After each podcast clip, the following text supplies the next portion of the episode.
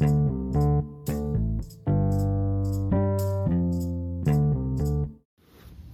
semuanya, jadi sekarang aku ingin ngomongin tentang gravitational waves, gelombang gravitasi. Ada yang tahu nggak gelombang gravitasi itu apa? Ada yang tahu nggak? Ada yang tahu nggak? Ah, nggak ada yang tahu. Oke, kalau misalnya nggak ada yang tahu dan kalian semua pengen tahu, jadi sekarang aku pengen jelasin tentang what is gravitational waves? Apa itu gelombang gravitasi? Jadi buat kamu semua yang pengen tahu apa itu gelombang gravitasi, stay tune. Oke?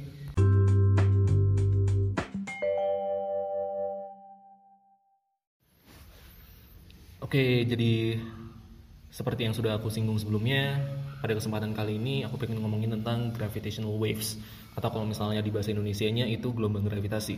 Tapi ketika kita ngomongin tentang gravitasi, biasanya kita bakal ingat sama yang namanya gravitational force atau gaya gravitasi bukannya gravitational waves. Tapi emang benar, sebenarnya gravitational waves itu adalah sebuah istilah atau term yang masih sangat baru.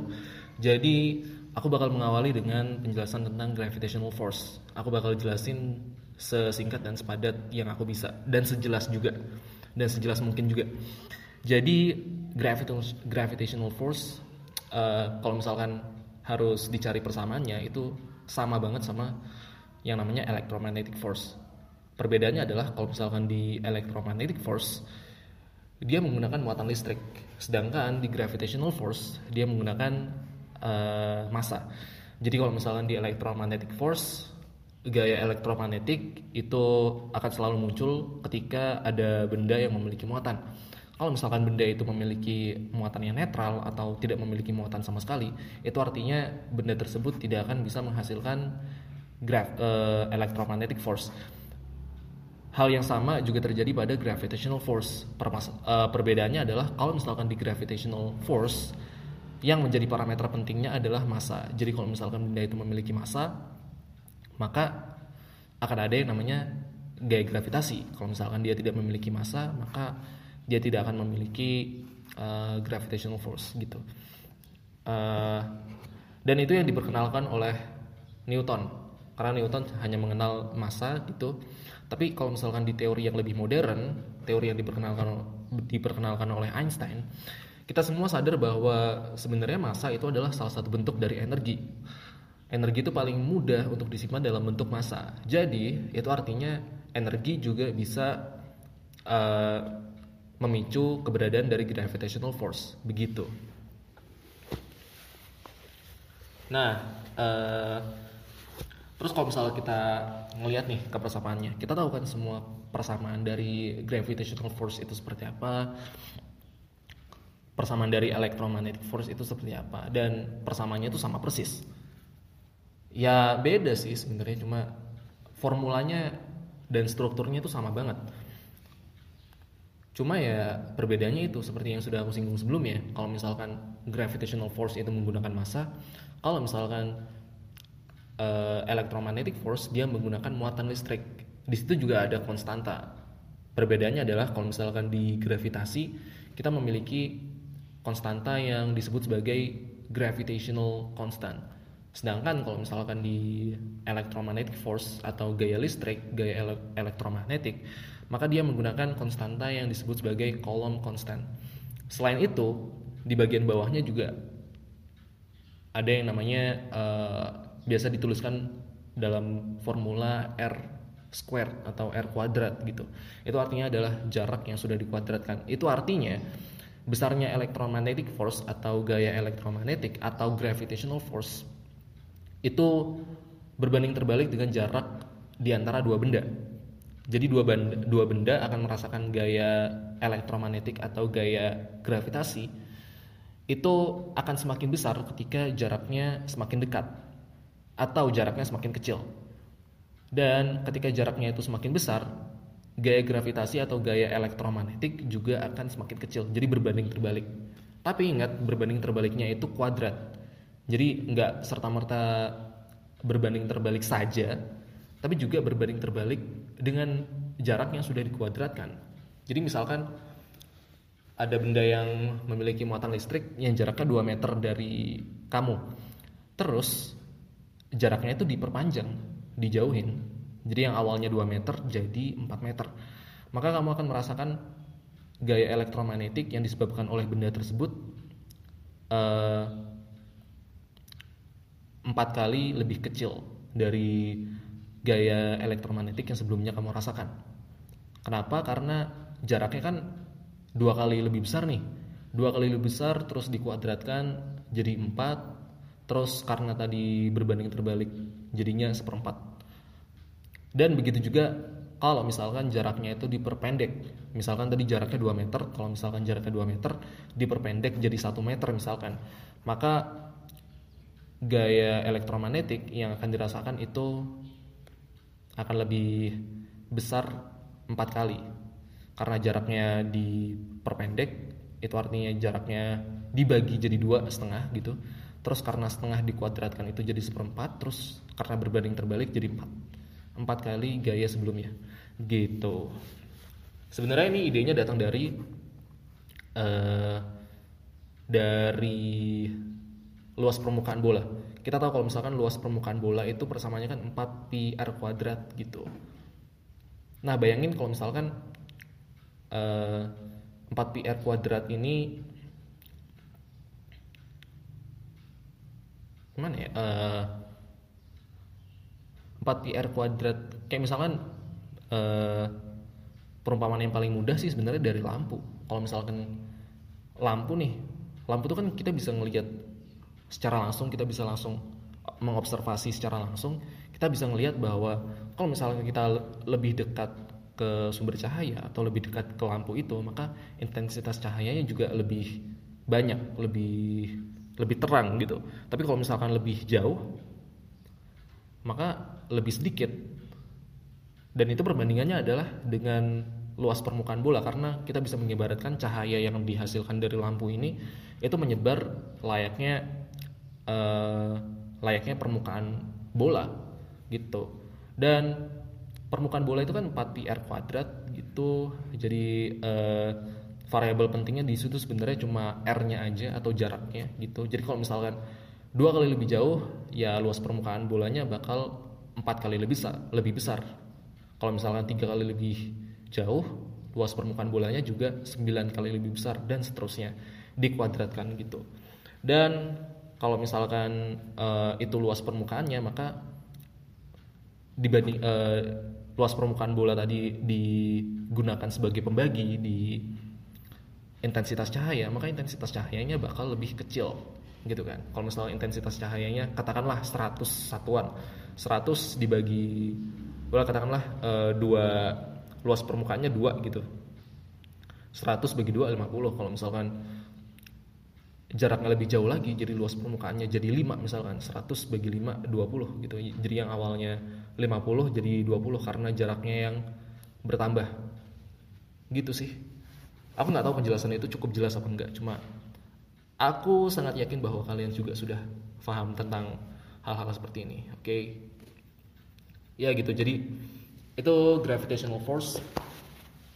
Jadi gravitational force itu uh, mengikuti hukum yang namanya inverse squared law. Jadi nggak cuma berkebalikan aja tapi berkebalikan dengan nilai yang sudah dikuadratkan.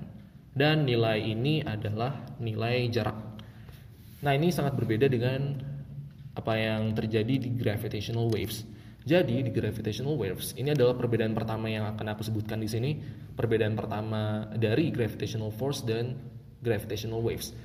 Gravitational force itu mengikuti hukum inverse squared law. Sedangkan kalau misalkan gravitational gravitational waves, sorry.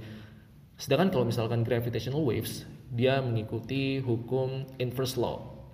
Yang satu inverse squared law, ini inverse law. Jadi kalau misalkan gravitational waves, nilainya akan semakin kecil seiring dengan bertambahnya jarak. Tapi dia nggak berbanding terbalik.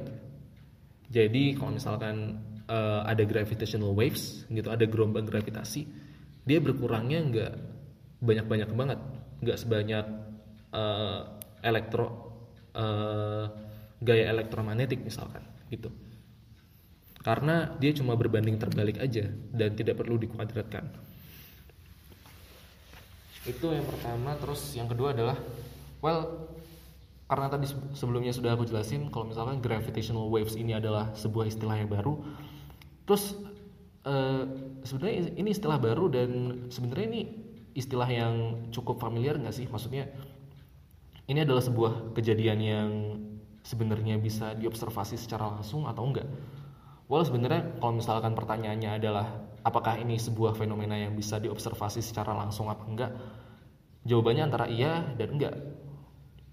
Jadi gini, gravitational waves itu sangat sulit untuk dideteksi. Penyebabnya adalah karena gravitational waves itu cuma bisa muncul ketika ada benda yang memiliki massa yang besar sebenarnya masanya nggak perlu besar-besar banget cuma karena kalau misalkan masanya kecil maka gaya gravitasinya juga kecil.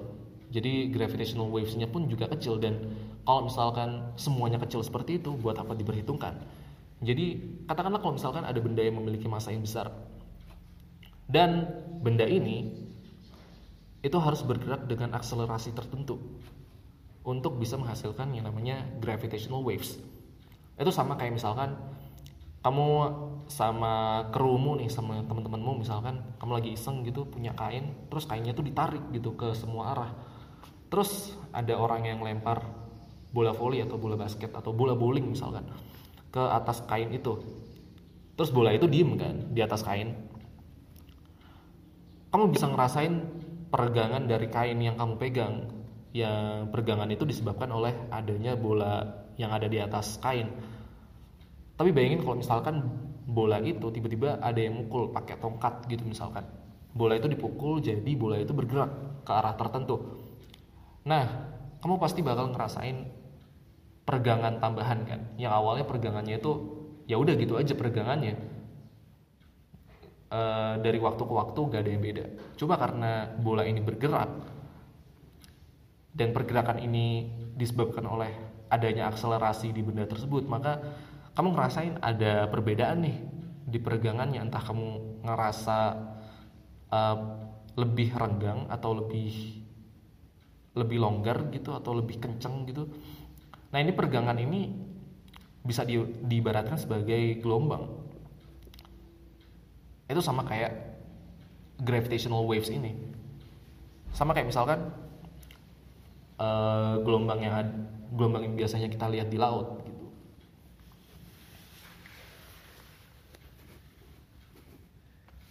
Gelombang yang ada di laut itu dia bergerak dari satu titik. Di mana di titik itu gelombangnya gede banget. Tapi begitu dia pindah ke uh, semakin ke permukaan gelombangnya akan semakin kecil. Gitu kan?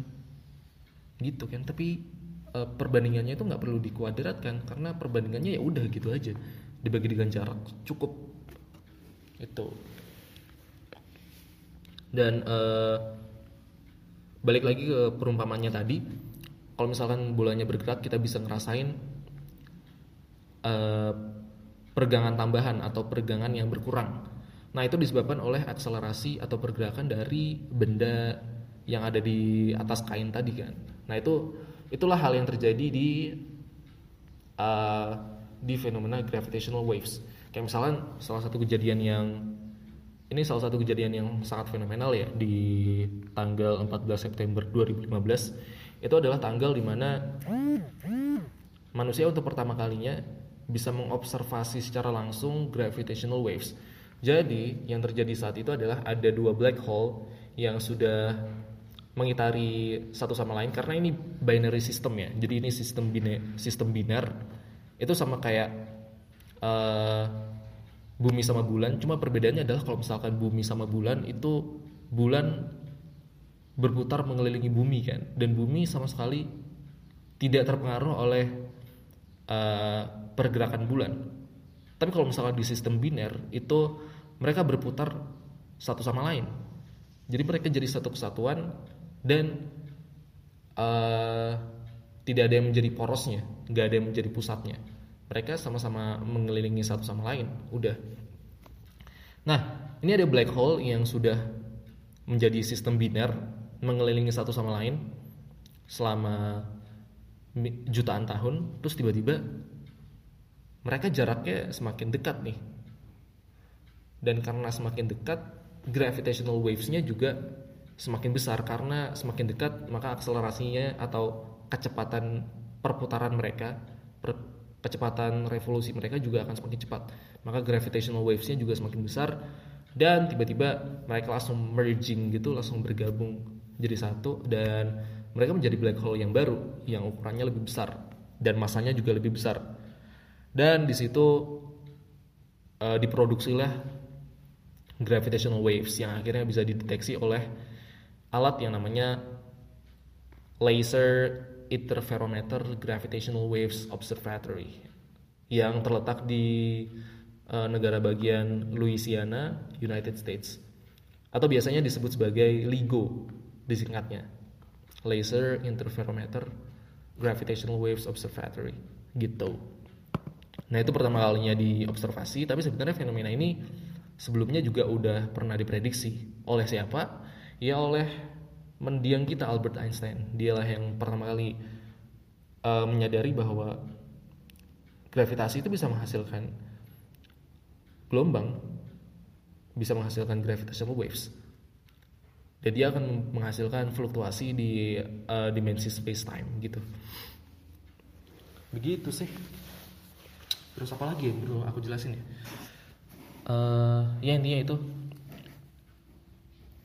dan gravitational waves ini juga menjadi salah satu cabang baru di astrofisika sih setahu jadi ada beberapa researcher atau uh, orang-orang yang melakukan riset dan mereka terfokus ke gravitational waves. Mereka terfokus ke gelombang-gelombang yang dihasilkan oleh gravitasi.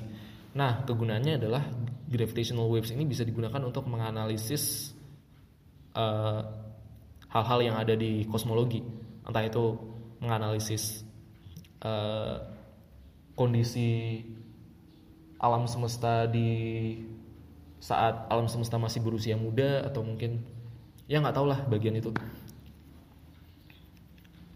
itu gravitational waves. Jadi itu semua yang bisa aku jelasin sekarang tentang gravitational waves. Kalau misalkan kalau misalkan kalian masih penasaran tentang apa itu gravitational waves atau aplikasinya seperti apa, ya kalian bisa browsing sendiri. Oke itu aja dari aku. Uh, thank you semuanya buat buat semua orang yang udah mau dengerin. Thank you, thank you, thank you. dan uh, see you next time